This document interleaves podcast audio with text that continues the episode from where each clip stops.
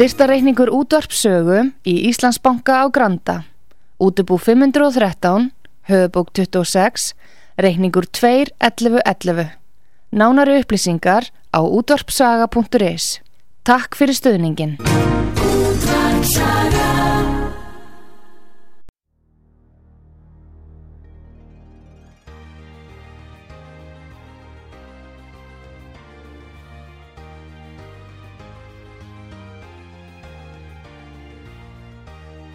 Heimsmálinn í umsjón Artrúðar Karlsdóttur. Fréttir og fréttatengt efni af Erlendum Vettvangi.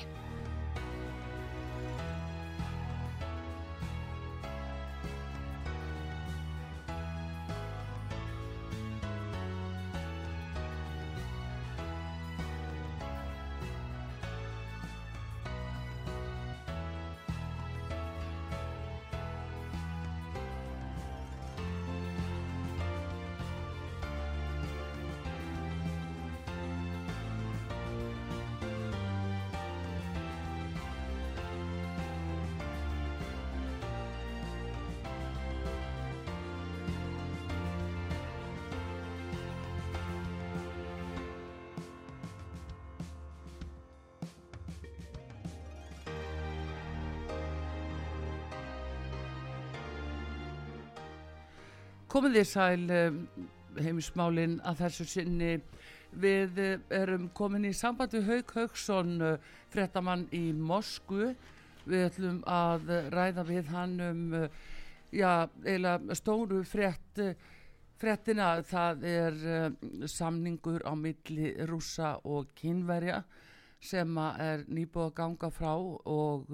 það er ljóst að samband og samvinna Rúslands og Kína fer mjög vaksandi og og það eru ákveðna áhyggjur á Vesturlöndum eftir að Xi Jinping leiðtói Kína var í Moskvu og átti þar viðrað við Vladimir Putin. Og uh, þessir töríki er að nálgast verulega eins og við höfum nú stundum sagt hér að heila Vesturlönd sé að reka uh, rúsa í fangi og kynverjum og uh, við ætlum að heyra nánar af þessum samningi og fleiri málum uh, frá Hauki Haugsinni. Góðan dag Haugur, þú ert hér á línunni.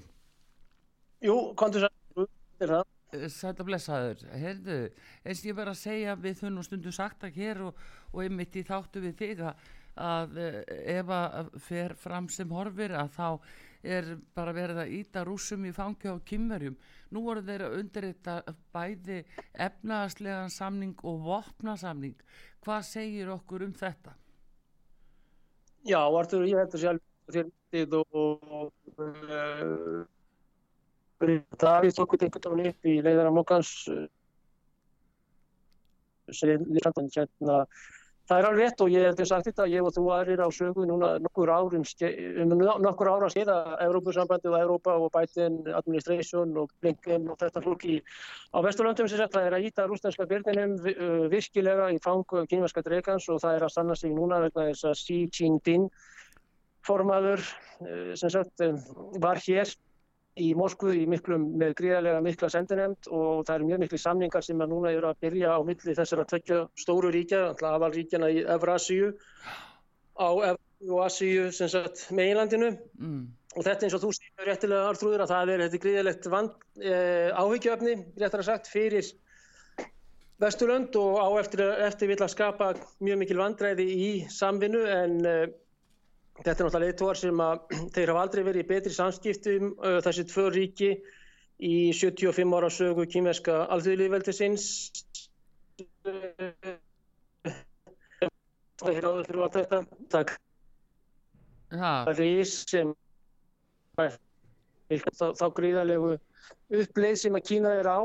að aldrei hefur verið betra samskipti þarna mitt. Halló? Já, ég heyri. Þeir kalla hvort annan gæra vín uh, og hérna það sem sagt uh, þeir að gera gríðilega samlinga í orkumálum væntilega í hernaðarsambinu sem sagt þeir voru nú með flótækja miklu halló, á uh, Indlandshafi í Arabíska hafi Arabíu hafi með Írönum. Og er að, að kynverjar Já, aðstóði rúsa með einhver leikti með vopn, það er ekki neitt komið í ljós með slíkt en þetta hefur verið frétt í vestrarunum fréttastofum og fréttamílum en, en ég, ég held undir niður líklega er það rétt. Og það var mjög hásendir nefnd hersi frá Kína, þeir komið hérna tveimur spóðum 747 vélum. Já, og þeir eru náttúrulega að byggja ívilar, bæði kýmverjar rúsar og eru miklu samskiptum með, með allt slíkt. Já, Þannig að uh, það er sem sagt að til dæmis að viðskipta jöfnurinn eða viðskiptin á milli landa já, haugur Haugur, haugur, ég held við ættum Halló, að prófa við ættum að prófa, við erum á Skype við ættum að prófa að fara yfir á aðra línu til þín til þess að ná betra hljóði. Ég held við ættum að prófa það haugur Heyr, heyrur þetta við reynum að uh, ná betra sambandi við Haug Haugsson í Moskvu. Þetta er stór mál þessi samningu sem að, þeir voru að gera núna rússar og kýmverjar og uh, eins og Haugur var að segja þá var þetta bæði efnarsmálin og orkumálin það er ekki hvað síst. Og síðan er miskosti talið að þetta varði vopna viðskipti og vopna aðstóð jafnvel kymverja til rúsa og það er náttúrulega það sem að við hér uh, vestar í alfunnu höfum nú verið að óttast að, uh, að svo væri að uh, kymverja væru að láta rúsa hafa voppelinnis út af stríðinu í Úkræðinu en uh, skulum he heyra í hauki á annari línu. Það er mjög erfitt að ná sambandi við Rúsland en hérna við ætlum nú samt að- reyna það eftir öðrum leiðum til þess að- geta fylst með þessu því að auðvitað eru fréttir hvað sem okkur líka betur öfir þá eru fréttir frá þessu svæði mjög mikilvægar að við séum með upplýsingar um hvað þarna er að eiga sér stað vegna þess að, að rússar og kynverjar eru auðvitað uh, já, aðal mennirnir má segja í uh, BRICS-samkomulæginu sem að í eru líka Brasilia, Indland og Söður Afrika og uh, það eru vist fleiri sem reyna að komast þar inn. Ætla við mitt að ræða það við haug og hvað það þýðir þá að þeir eru konið með sérstaka og sjálfstæða uh, hérna mynd sem þeir ætla að nota og hvað þýðir það þá fyrir dólaran en haugur ertu komið þarna aftur Já, ég, ég voru þessi betra samband á allt þetta. Já, við reynum það. Heyrðu, en ef við aðeins bara förum yfir þetta innihald þessa samnings sem þeir eru að gera eh, hérna núna rússar og kynverjar. Uh, þetta eru, þetta er hérna efnaðasmálin, uh, er það þá þýðir að það að kynverjar láti rússa hafa peningabellinis eða? Nei, það þess það nú ekki, en það er hins vegar er mjög mikil samskipti við banka hjá rúsneskum aðlum og, og stórfyrirtækjum annað við kýmverska stórbanka, sérstaklega í Shanghai og annar staðar. En þetta sem þú er minnist á, það er það að rússar og kýmverjar ætla að fara frá dólaranum. Það er mjög mikið áhugjafni fyrir FRS, Federal Reserve System, sem er aðalbanki bandaríkjana. já, Og tveir aðri leitu har gert þetta, það er að segja Saddam Hussein og Muammar al-Gaddafi, sem ætla þeir ætla að fara frá dólaranum í sín móluðviðskiptum og allt þetta. já, Þetta er nokkuð sem er mjög mikið áhugjafni eins og við segjum á Vesturlöndum og þetta er alveg hraðbyr stefnir í þetta og auk þess sem að rúsa ætla að fara í, yfir í Juanið, Juan er, Já. gjaldmiðill Kínaveldis. Þeir ætla að fara yfir í Juanið í viðskiptum við Afríku, Suður-Ameríku og mörg önnur Asjúríki þar að segja varpa dólarum fyrir róða og það er náttúrulega nokkuð sem á eftir að koma sér vantilega eða eftir vill skulum við segja mjög illa fyrir bandarískan já, efnahag vegna þess að það er mjög lítil bandar, hérna, framleiðsla og framleiðni innan bandarækjana, þeir brenta náttúrulega peninga á fullu og allt þetta, já, en búast svona kannski svartsinustu menni að þeir sem eru þá búast þeir við mikið gríðalegri kreppu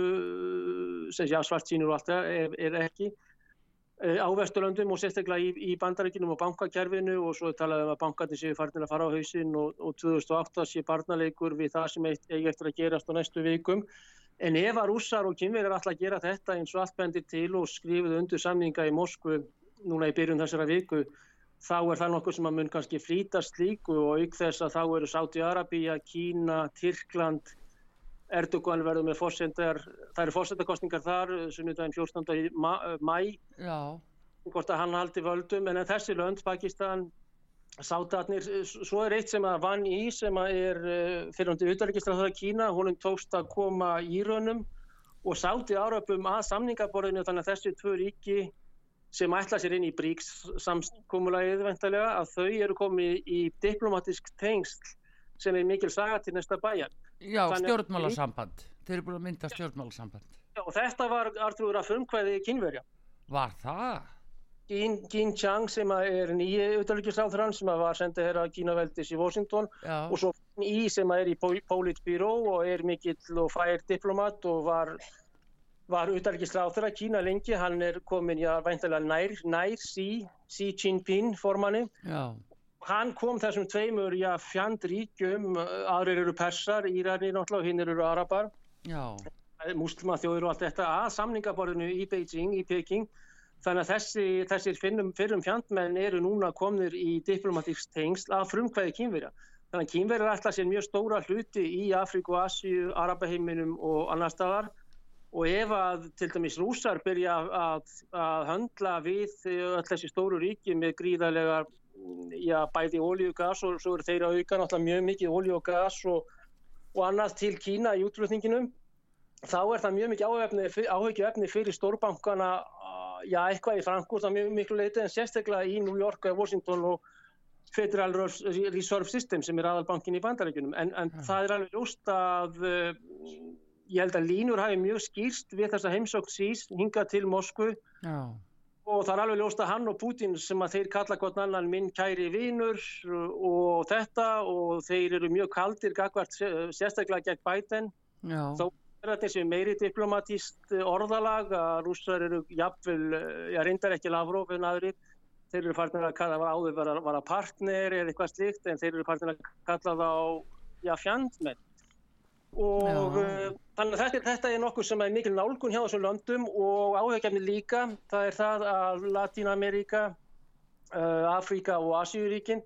að þau virðast að miklu leiti ekki ætla að fara í uh, þessa koalísjón sem sagt eða þessa andrúsnesku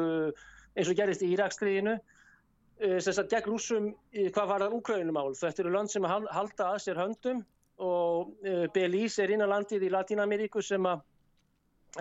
fórum með bandarækjunum í, í, í þann vagnin allt annað en fyrir Írak sem var fyrir 20 árum, það byrjaði fyrir 20 árum 20. mars, uh, allt þetta 2003 já, já, já. þessi lönd halda sér höndum og eru miklu meira svona á þessar jafnvæg, jafnvægis slá að halla sér í áttina að Evrasíu að margramati aftur, þar að segja Kínaveldi og Rúsum Rúsaveldi þá er það sem svona anti-imperialistist og þeir kalla vestrið imperialistist afl þar að segja heimsvalda sinna. Mm sísta Lavrov er farin að kalla og Putin líka vesturlönd í dag eh,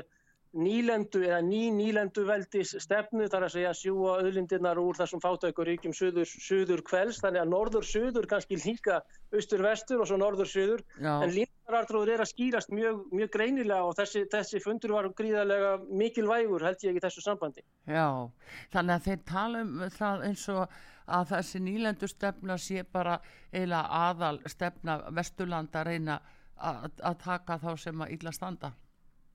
Ná að þeim. Já, já, já, já, svo er eitt mjög merkilegt líka að þeir, uh, það er sem sagt sameilega yfirlýsing og þeir fór nú ekki við COVID-málinn en kynverjar og rússar eru farnir á þá stefnu að þetta sé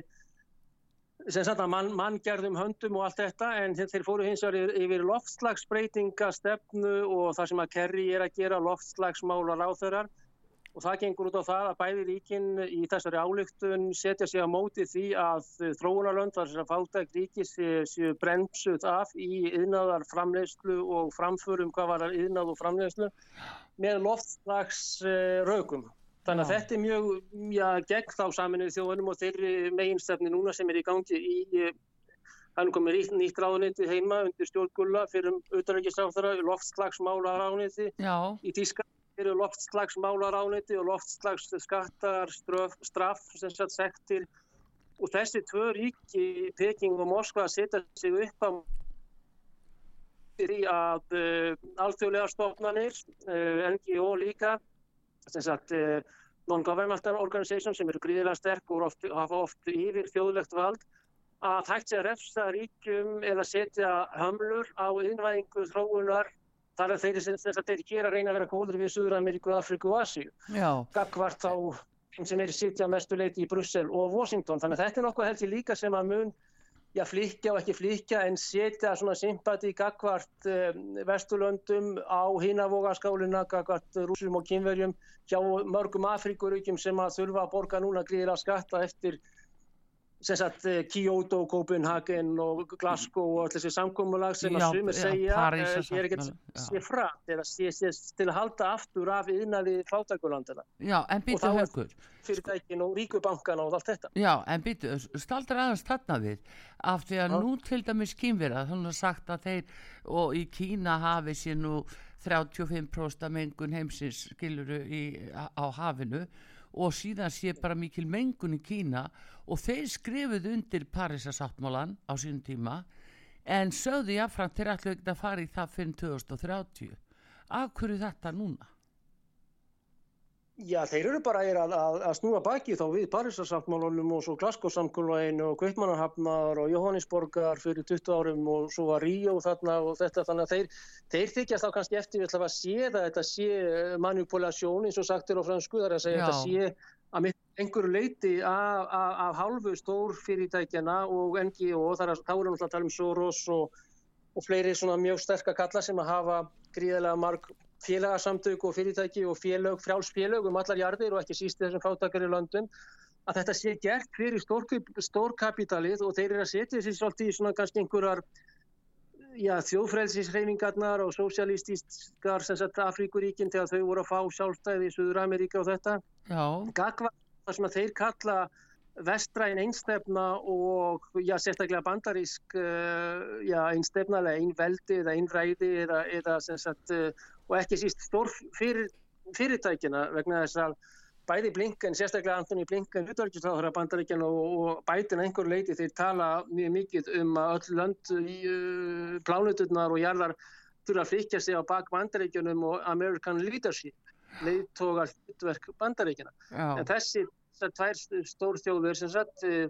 rússar og kynverjar og stjórnvöld í Moskva og Peking er að setja sér þá á móti ákveðin leiti þessu og, og þá eru þeirri náttúrulega að reyna að fá til ís við sig eh, lönd í, í, á söður kveli jarðar, skulum við segja, þetta máli. Þannig að já, já. þetta er merkileg kannski líka breyting eh, eins og þú segir allur að, að þeir séu að hættir í þessu klímat, klímat, eða loftslags. Loftslags áallun, já, já. Og það sumum, sumir náttúrulega eru ánaður og telja þetta rétt stefnu og svo náttúrulega mjög stór, stór engur hluti líka og þá er þetta fólki á í, í ráðunitum og skvistum annastar sem að er núna þessa dagana fyrir gríðalögum vonbröðum með, með þetta og rússar líka ekki síst eftir stríðir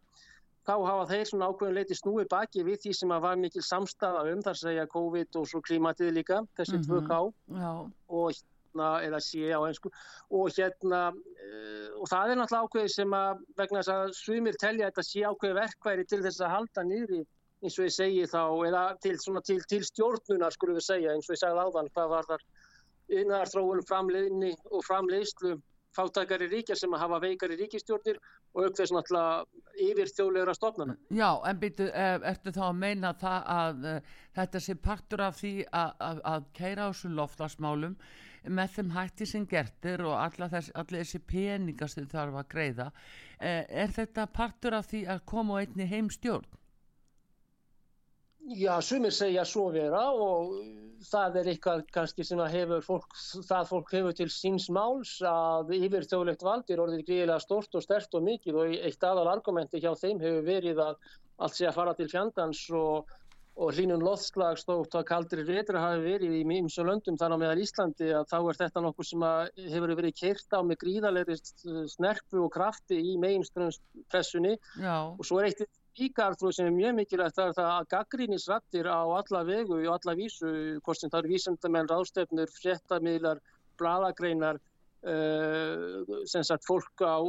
er ekki sammála það er lokað niðri og lokað af með sín rög sem ekki er sammála þessu og uh, að einhver leiti þá hafa, hafa einhverjir og sumir áhyggjur af því að þetta sé ekki,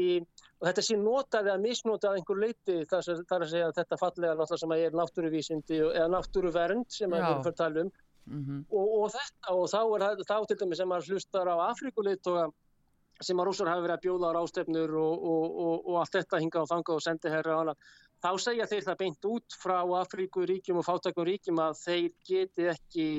fullfyllt þetta vegna þess að það er verið að setja þú aftur í fátakrar eh, skóna. Það er verið að setja þetta Afríkuríkin í fátakrar spórin aftur og þetta er svona það sem kallað er eins og við sagðum áðan neo-imperialist eða neo-kolonialisering. Nýlendur stefna, já. Já og það er náttúrulega NGO stefnu eða NGO, Non-Governmental Organization Þau eru með gríðilega peninga og hagsmenni og svo stórbankarnir og stórkapitalið líka og, og auðvaldið beint út sagt í því að, að halda sínu og yðnaðinum í Norður Ameríku og yðnaðurinn núna sem er frá, frá Þýskalandi Já. Er í gríðilegu magni til, Norður Ameríku vegna, vegna já, bara Nord Stream, allt þetta. Þannig að, þannig að þetta er ákveðin verkværis af sumramati, ég er ekkert að segja við og ég og þú og einhver aðri séu sammála þessu, mm. en þetta er að fá mjög lítið að heyrast í, í meginströðsmiðlum og eins og ég segja þá er mjög merkilegt að þessi tveir stóru littógar eða sem að sumir kalla blóðuga, innræðisæra og vonda menn og allt þetta þeir séu núna ofinbellega vegna þess að áður fyrir var þetta kannski kvístaða göngum á einhverjum rástöfnum og annan en þetta séu þeirra álygtun sem er margra sína plagg. Þa, það held ég sem er merkilegt og sé mjög alvarlegt signal líka til já, umhverfismálar ánundis Íslands sem að ég veit ekki hvað er að gera með alla sína miljardar og allt þetta og, og menn eru að fljúa á mellir rástæfna og, og allt þetta en, en þetta er mikið kjæftsök fyrir, fyrir eða, sagt, uh, þetta er áhugjafni fyrir, fyrir það lobby myndi ég segja. Já og, og þetta er bara alveg ný byrtingamind sem við erum að sjá, ný heimsmynd því þarna er ef veru 8 miljardar íbúi í heiminum að þá eru næri því 2 miljardar bara með þessum tveimu þjóðum sko rúsum og, og kýmurum það er svona fyrir langleðin að þangað upp. Svo bætast índir með 1,5 e- miljard skiluru þetta er, þetta er að verða og, og hinn að þjóðuna sem eru þá jafnvel að bætast þarna við í gegnum Briggs það við sjáum alveg hvað er að gerast högur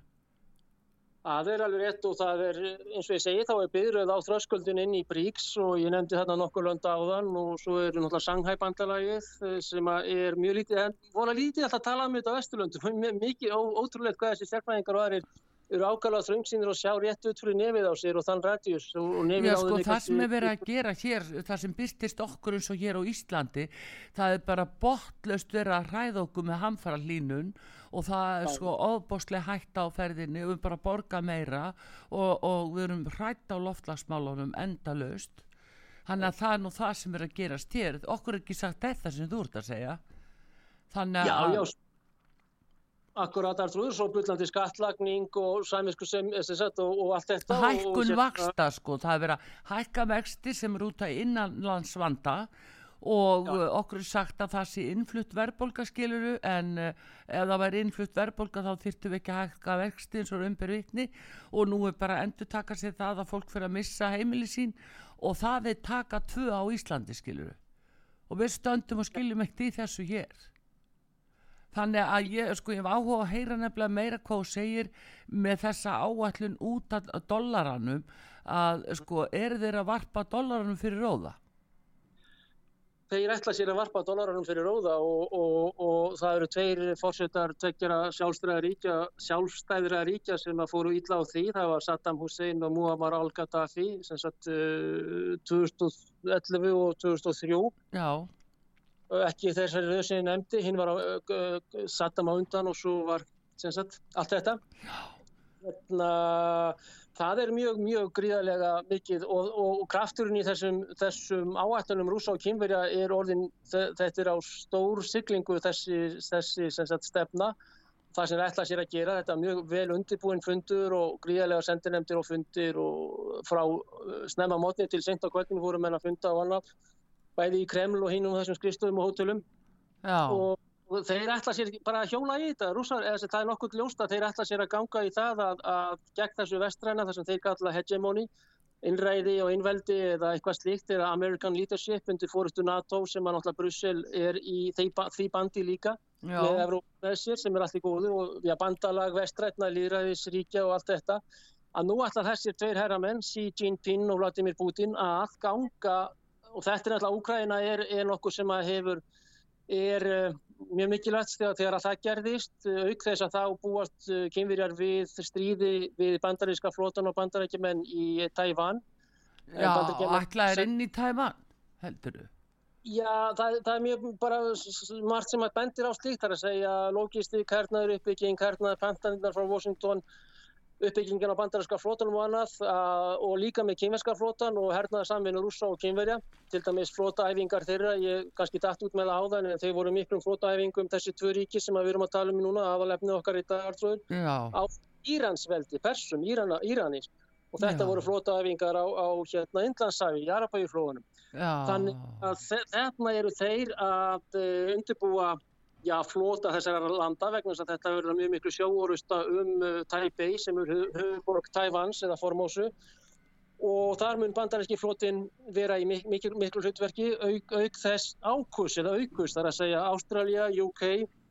uh, Stóra Breitland og bandaríkin AU, KUS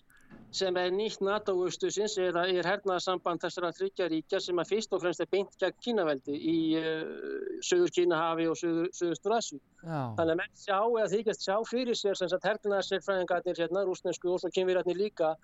að, uh, og líka þessar heimsóknir í Nancyar, uh, Nancy Pelosi og aðrir til Taipei. Já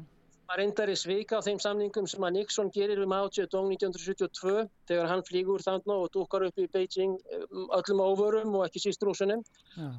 að, að þá er eh, territorial integrity sem sagt, eh, sem sagt uh, sameinleg stjórn ríkistins þar að kynverja, Kínaveldis að Tævann og, og Formosa var inn, inn í tíð en bandarækjumenni er núna svíkja þá samningaðu Nixons en allavega, ja, allavega kynverjarnir voru bara gæra hvart undan því að, að bandarísk herskip hefur eitthvað verið að, að gera utan í þá þarna núna á svæðinu þannig að þetta er eldfimt svæði í kringum Tævann núna Já, já, þeir hafa verið með mikla viðveru og, og sjöttiflótinn og, og Nimitz og Róran Reykján og hinn og þessi herskip með, og bandarækjumenni ætla að eiga sterkast að flóta veraldar í dag þó að kymir að sé á miklu syklingum það á rúsatni líka að, að þeir hafa verið það sem að að segja eða kalla ögrun, provocation gegn, gegn sér vegna þess að þeir líta á, á þetta sem kynvest landsræði og þá bendar á þannig samning og Mao Zedong 72. Já að, að menn eins og bara þá eru menn að búast við styrjöld þar ekki kannski 24, kannski 25, 26 2026 á, á, á því bíli og þá munur mm. bandaríkja mun vera að Já, proxy, menn kalla þetta proxy stíð í Ukrænu við það. Já, en, en það fyrir eftir í hver, hvernig fórsendarkostninga fara, fara þar. Ef að bætin fyrir burtu þá kannski er möguleika á að sjalla þetta við kynverjana. Eða Já, hvað? það er Guðs vonir og Guðuna, vonum til Guðuna að hérna, það, það verði rætt saman vegna þess að á Vesturlöndum er kannski að skrítna vegna þess að til dæmis kom eh, Xi Jinping með Ovani sem er hans auðvitaðrikistjárfræðingur, mjög færkall, með fríðar sáttmála tillögu í Ukrænumálunu en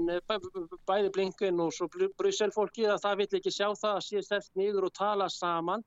en Putin og, og Sergei Lavrov utarrikiðstæðan hér í Moskvu sem settum við okkur á sögu allt þetta að þeir mm. tóku verið í þessar tillögur en, en það var ekki tekið mála einu sinni að ræða þær af hálfu vestuveldana í Washington og Bryssel þannig að sem að sumir telja þá sé menn séu þá á hernaðar hernaðar já, buksónum eða þess að planið að sé ekkert neitt samið og þetta þurfið að vera erfitt og blóðugt og langt og mikið stríð Já og það, eh, það það sem er náttúrulega ónáttalegt í þessu haugur að þarna sko við erum með fréttir af því að þarna séu kannski 16, 17, 18 ára drengi skiluru komnir uh, í herrklæði út á vývöllin sko, og koma í, í líkbókum heim. Þetta er náttúrulega ekki tækt og það er hverki minnst á frið. Þetta er bara stjálfilegt og eru, sagt, þetta er orðið eins og fólksstúrum Berlínar þar sem að 14 ára strákar voru loftnir fá einhverjar velbussur og haglabissur gegn sovjethernum, rauðahernum voru 1945. Þannig að eh, menn eru ég minna það búið að drepa á því að talið er og, og MacGregor uh, hann segir 250.000 200 til 250.000 mann úgrænumenn hafi mist einungis hermenn í, í þessu stríði þannig að þetta er alveg skjálfilegar aðfarir og aðgerðir og allt þetta sem er að gerast þarna mm. og það skjálfilegast að líka held ég það að allting Íslandinga til dæmis smá píla yfir á þá að það, það hefur engan áhuga á því að koma mönnum að sátta borðinu og ekki heldur í Brussel og, og, og Washington. Þannig að þetta er uh, vond mál og hið vestamál og þetta stríð náttúrulega bara byrjaði fyrir, fyrir nýju árum og vel það núna. Já, og, jú, jú. en, þetta en, en já, forsagan, það má ekki gleyma forsögunni en ok, nú um það allavega. Já, já, sko, menn uh, það er nú svona Uh, ekki neytir sérstakur vilji fyrir því að ræða það og það breytir náttúrulega ekki því við vitum að það er náttúrulega ákveðna leikreglur í þjóðarétti og vissulega fóru rúsar þarna yfir línuna. En, en hins vegar er það bara gremmilegt að sé ekki hægt að vinna af, af einhverjum fríðar uh, málum í þessu og ná að sætta þetta. Nú kemur út handtökuskipun á Pútin frá alþjóðlega glæpastofnstólum uh, friður hvað? Já, það er náttúrulega sko, menn þurfa þá ef að menn er í dómsmálum og dómarar og annað þá þurfa menn að hafa prinsipin á hreinu og lög þurfa náttúrulega að ganga yfir alla, ekki Jón og Sýra Jón og, og ef við minnumst á Írak sem eru 20 ár núna sem þegar það byrjaði. Að þá já, rúmlega miljón Íraka fallnir, langt flest óbreytti borgarar í um allt Írak Já. Í Fallúsja voru notaðar uh, kjarna 8 sprengjur eða litla sprengjur í þessar skrýtrika með, með úr, þjöppuðu úrani, það er svona smá álgjörð mín í allt þetta og, og, og skelvilegt þar sem börnun eru að fæðast núna vansköpuð og annað. Að menn gleyma því alveg og það hefur enginn þurft að svara fyrir það æfintýri því miður þá þurfum við að líta líka á lífveldu Ísland í því máli og, og tveir ágættir menn uh, oftar að nefna þá sem að allt það, en, það, það hérna er náttúrulega er, uh, að sumra mati, skulum við segja, ákveðin tvískinningur í gangi og, uh, og, og þetta. Já, það, já, já, já. Varðar, en, en haugur, ég ætla núna, ég þarf að, að, býða á línunni og menn við höfum þetta gott samband allavega og ég ætla að fá auglýsinga núna en ég ætla að halda áfram að ræða við því út af þessum samningi millir Kína og Rúslands uh, og fara hans inn á vopna hlutan og og gas og olju uh, hérna oljuhlutan í samningnum. Og fleiri mál hér bara eftir skamastund til að lusta út á sögu Haugur Haugsson, frettamæður í Moskvu hér á línunni, við komum aftur eftir skamastund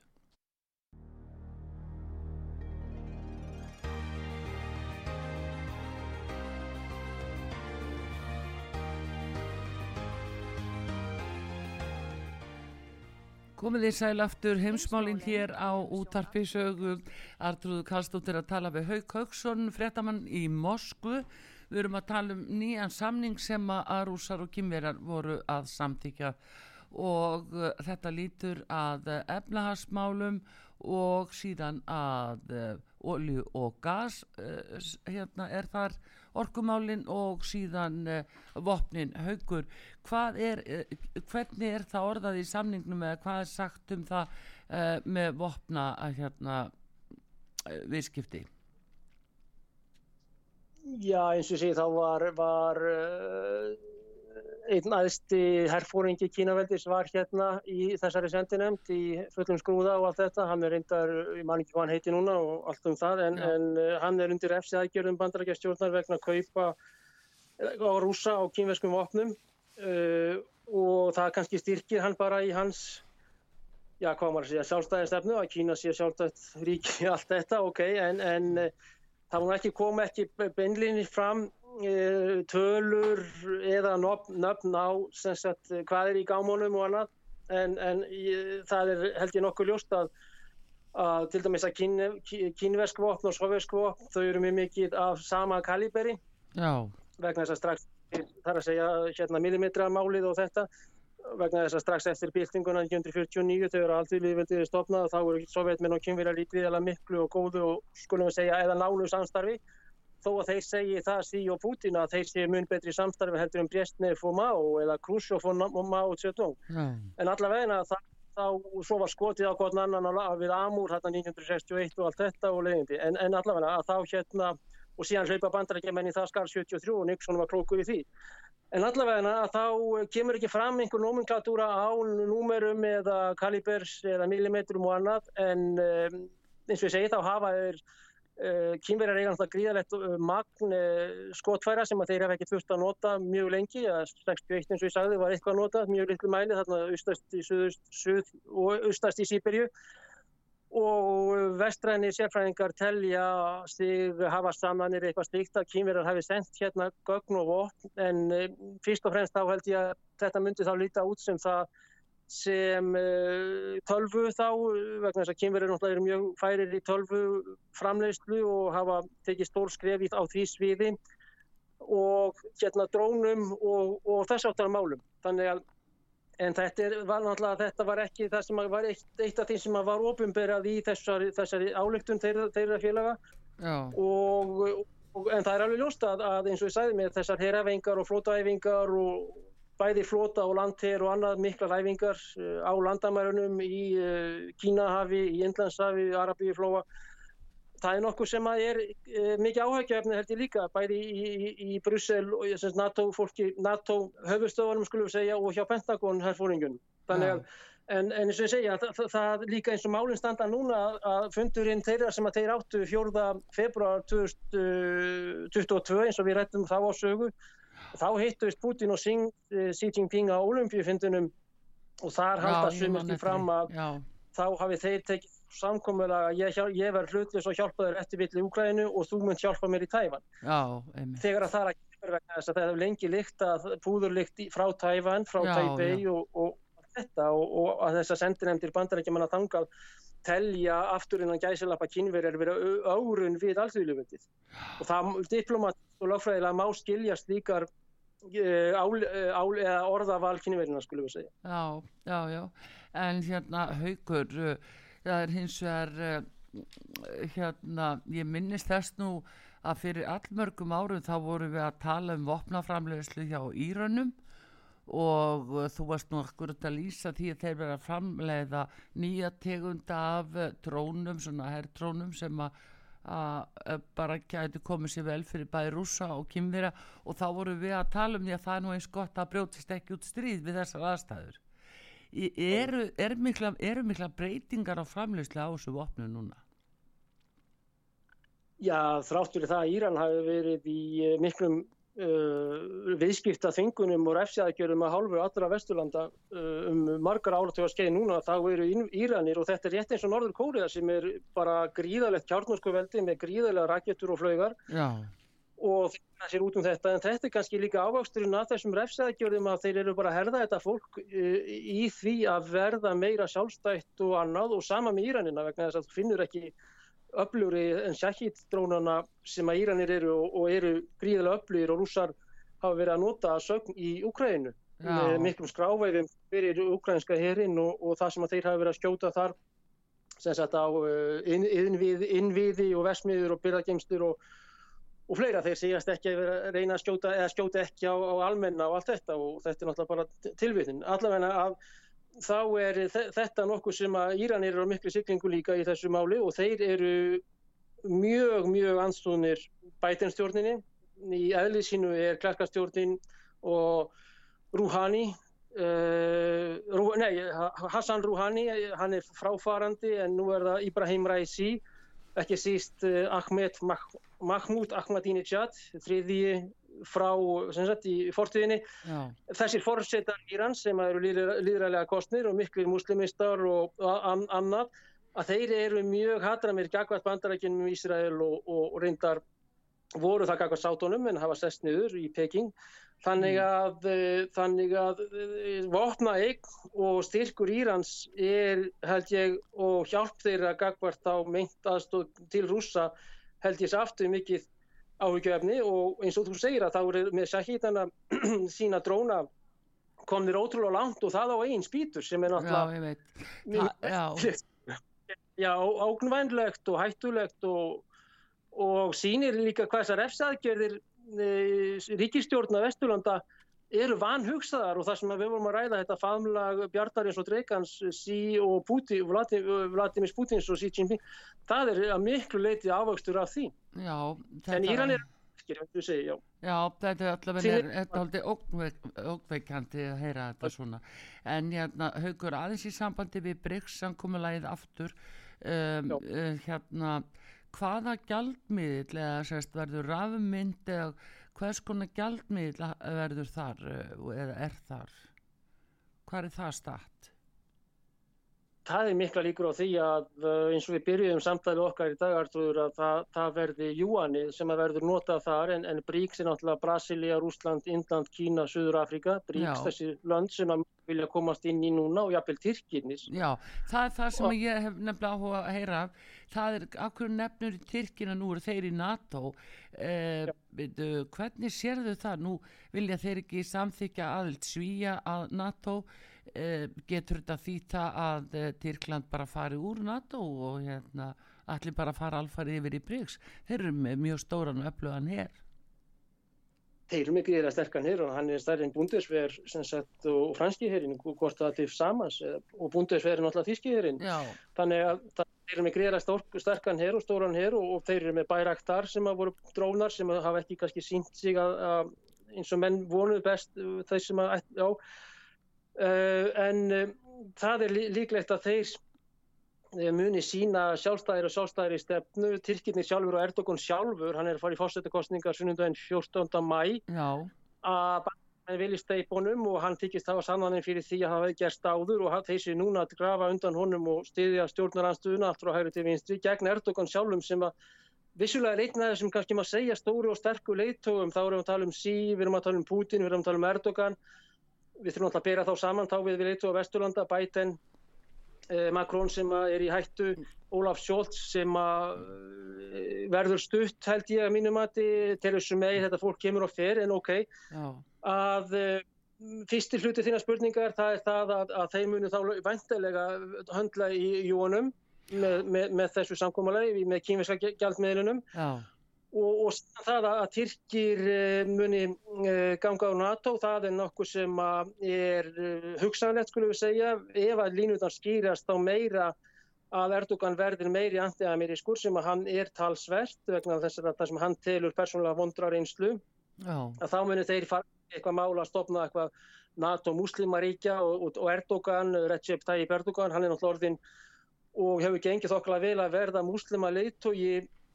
fyrir uh, hína mjög mörgur þjóður sem er á tyrkneskum meiði og hann er mjög virtur í Araparíkinu og Arapaheiminum, Erdogan. Já. og hann ætla sér alveg í því, það er alveg kláttmála maður, hann ætla sér það og hann ætla sér að vinna kostningarnar í vor.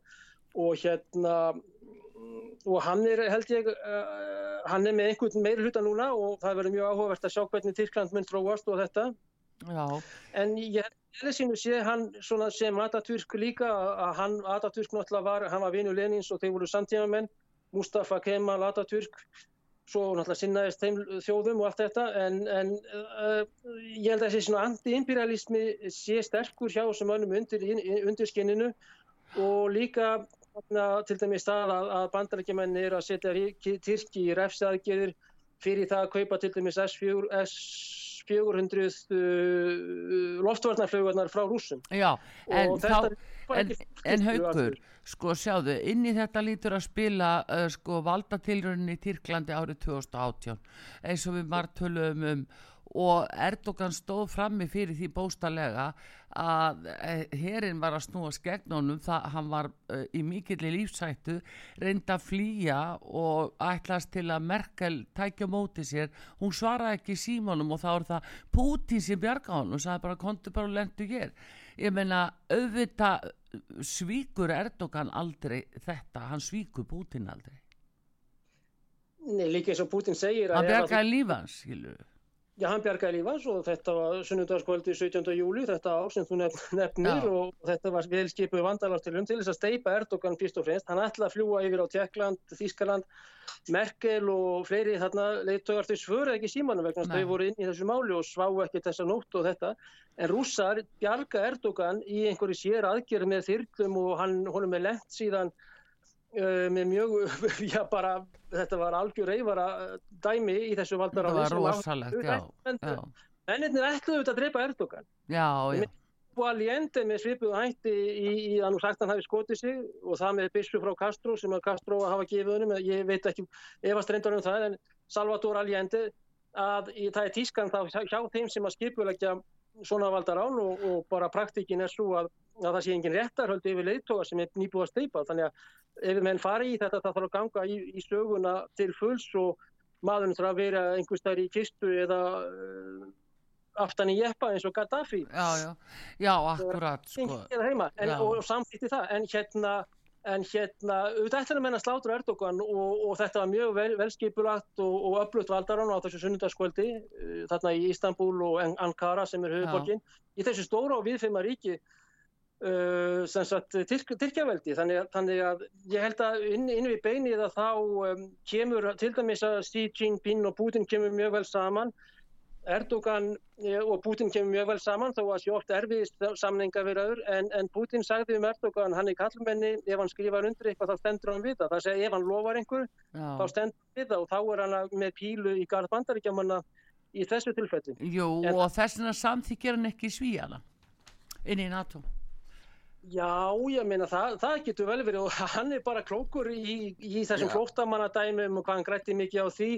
Uh, í Svíja og Finnlandsdæminu núna uh, þá er, setur hann algjörlega stólinn fyrir dittnar eða, eða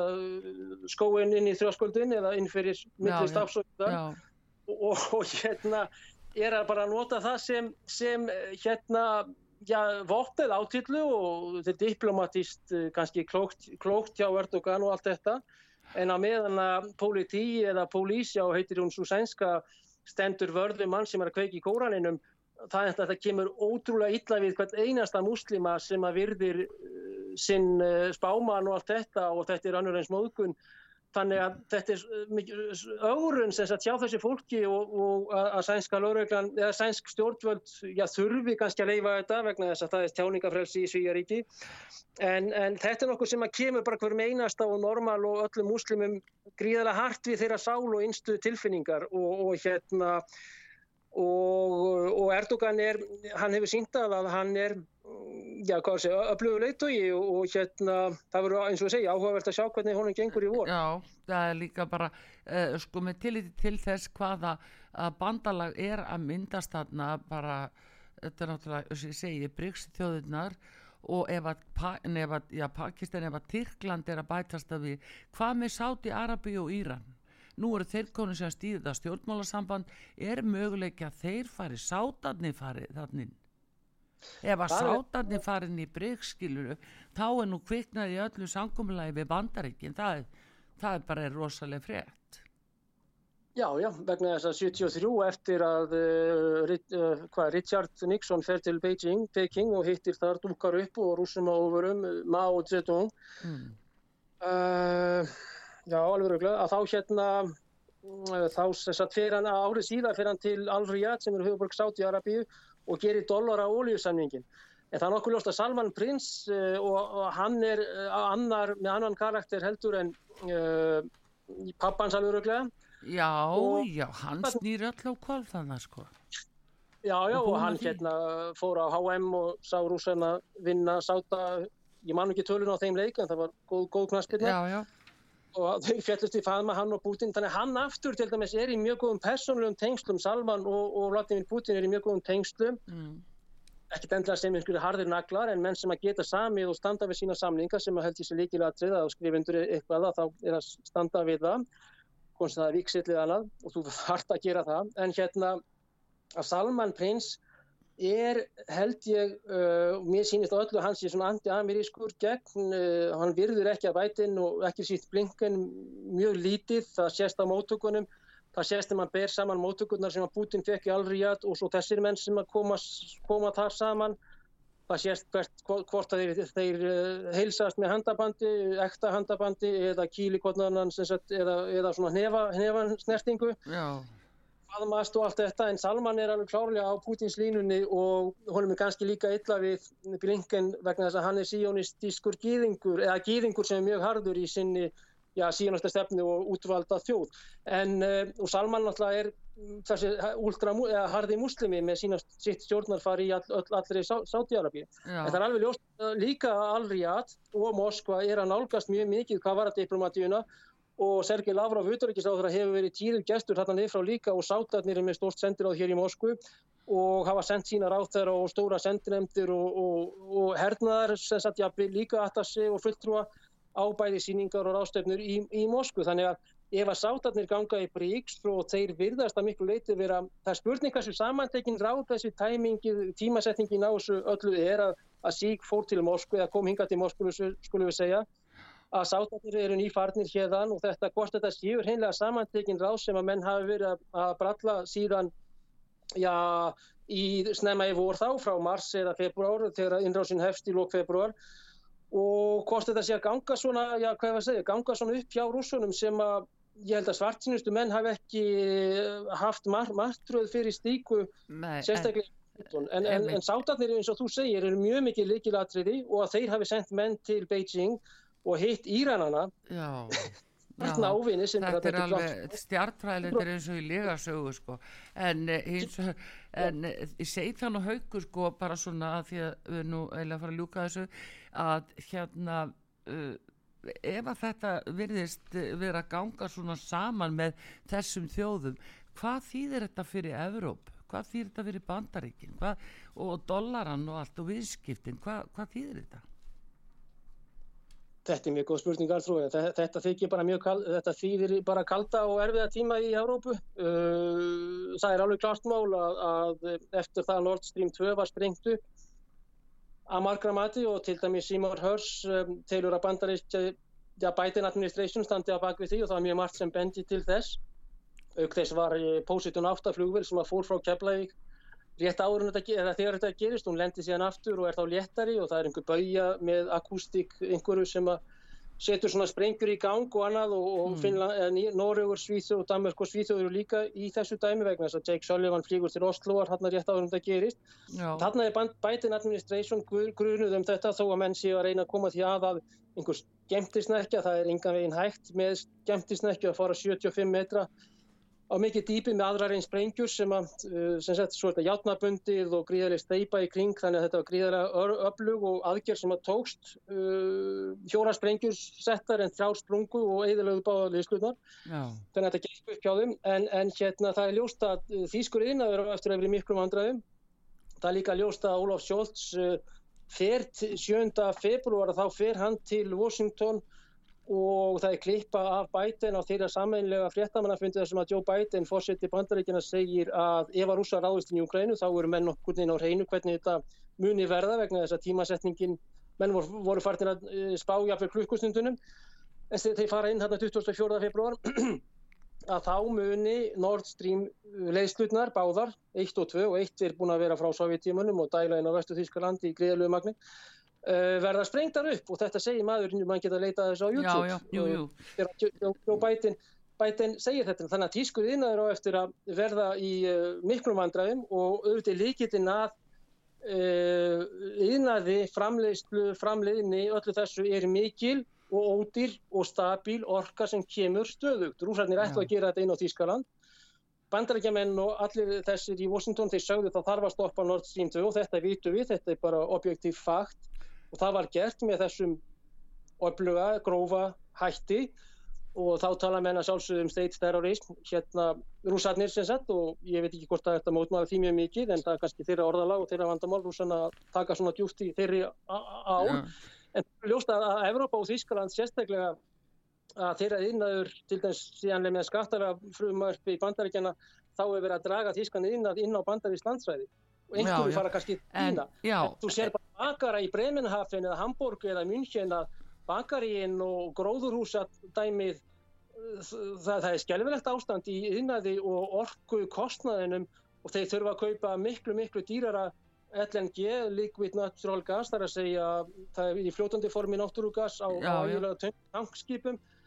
sem að en bandaríkjamenn þetta er, jú, jú, þetta er alveg svakalegt fyrir þjóðverjarna nefnilega. Og því að þeir kannski voru að miða því að geta verið með sína framleiðslu og með ótrú orku svo segir, treysta á þetta. En uh, kynverjarnir voru komnir diggilega inn á markaðin og nú fá, eru þeir búin að tryggja sér næga orku gegnum Rúsland þannig að nú halda þeir geta yfirtekki og styrti algjörlega bæði velagi framleiðslu á yðnaðavörum inn í Evrópa en við sýnist svo Já, já, þeir munu styrkja sér mjög mikið með þessum samkomulögum öllum við Putin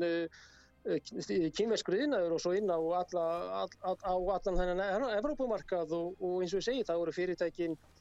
að fara á hausinu um, umvörpum í Þýs- Þýskalandi vegna bara þau er að stigast undir orkukostnaði. Já. Þannig að Já, hérna, heyrðu, en haugur, já, þetta er búið, búið, Íslandi er vel alls á ég segi nú bara það að þetta er búið að vera frólægt að heyri í þér og við ætlum að fylgjast vel með þessu, hvaða þróun er að eiga sér stað þarna og svona fjarrri okkur en uh, skiptir okkur gríðalögu máli hér upp á Íslandi og öll okkar aðvild og, og meðvirkni með öðrum málum. En bara takk hérlega fyrir Haugur Haugsson fréttamaður í Moskvu, bestu kveðjur og, og við höfum sambandið í síðar. Bestu þakkir. Bestu hverju, takk fyrir þetta. Já, við segjum þetta gott í heimsmálunum í dag. Artrúðu Kallstóttir þakkar ykkur fyrir eh, taknumar í útsendingunni og stjórnandi útsendingar. Einar Karl Gunnarsson veriði sæl.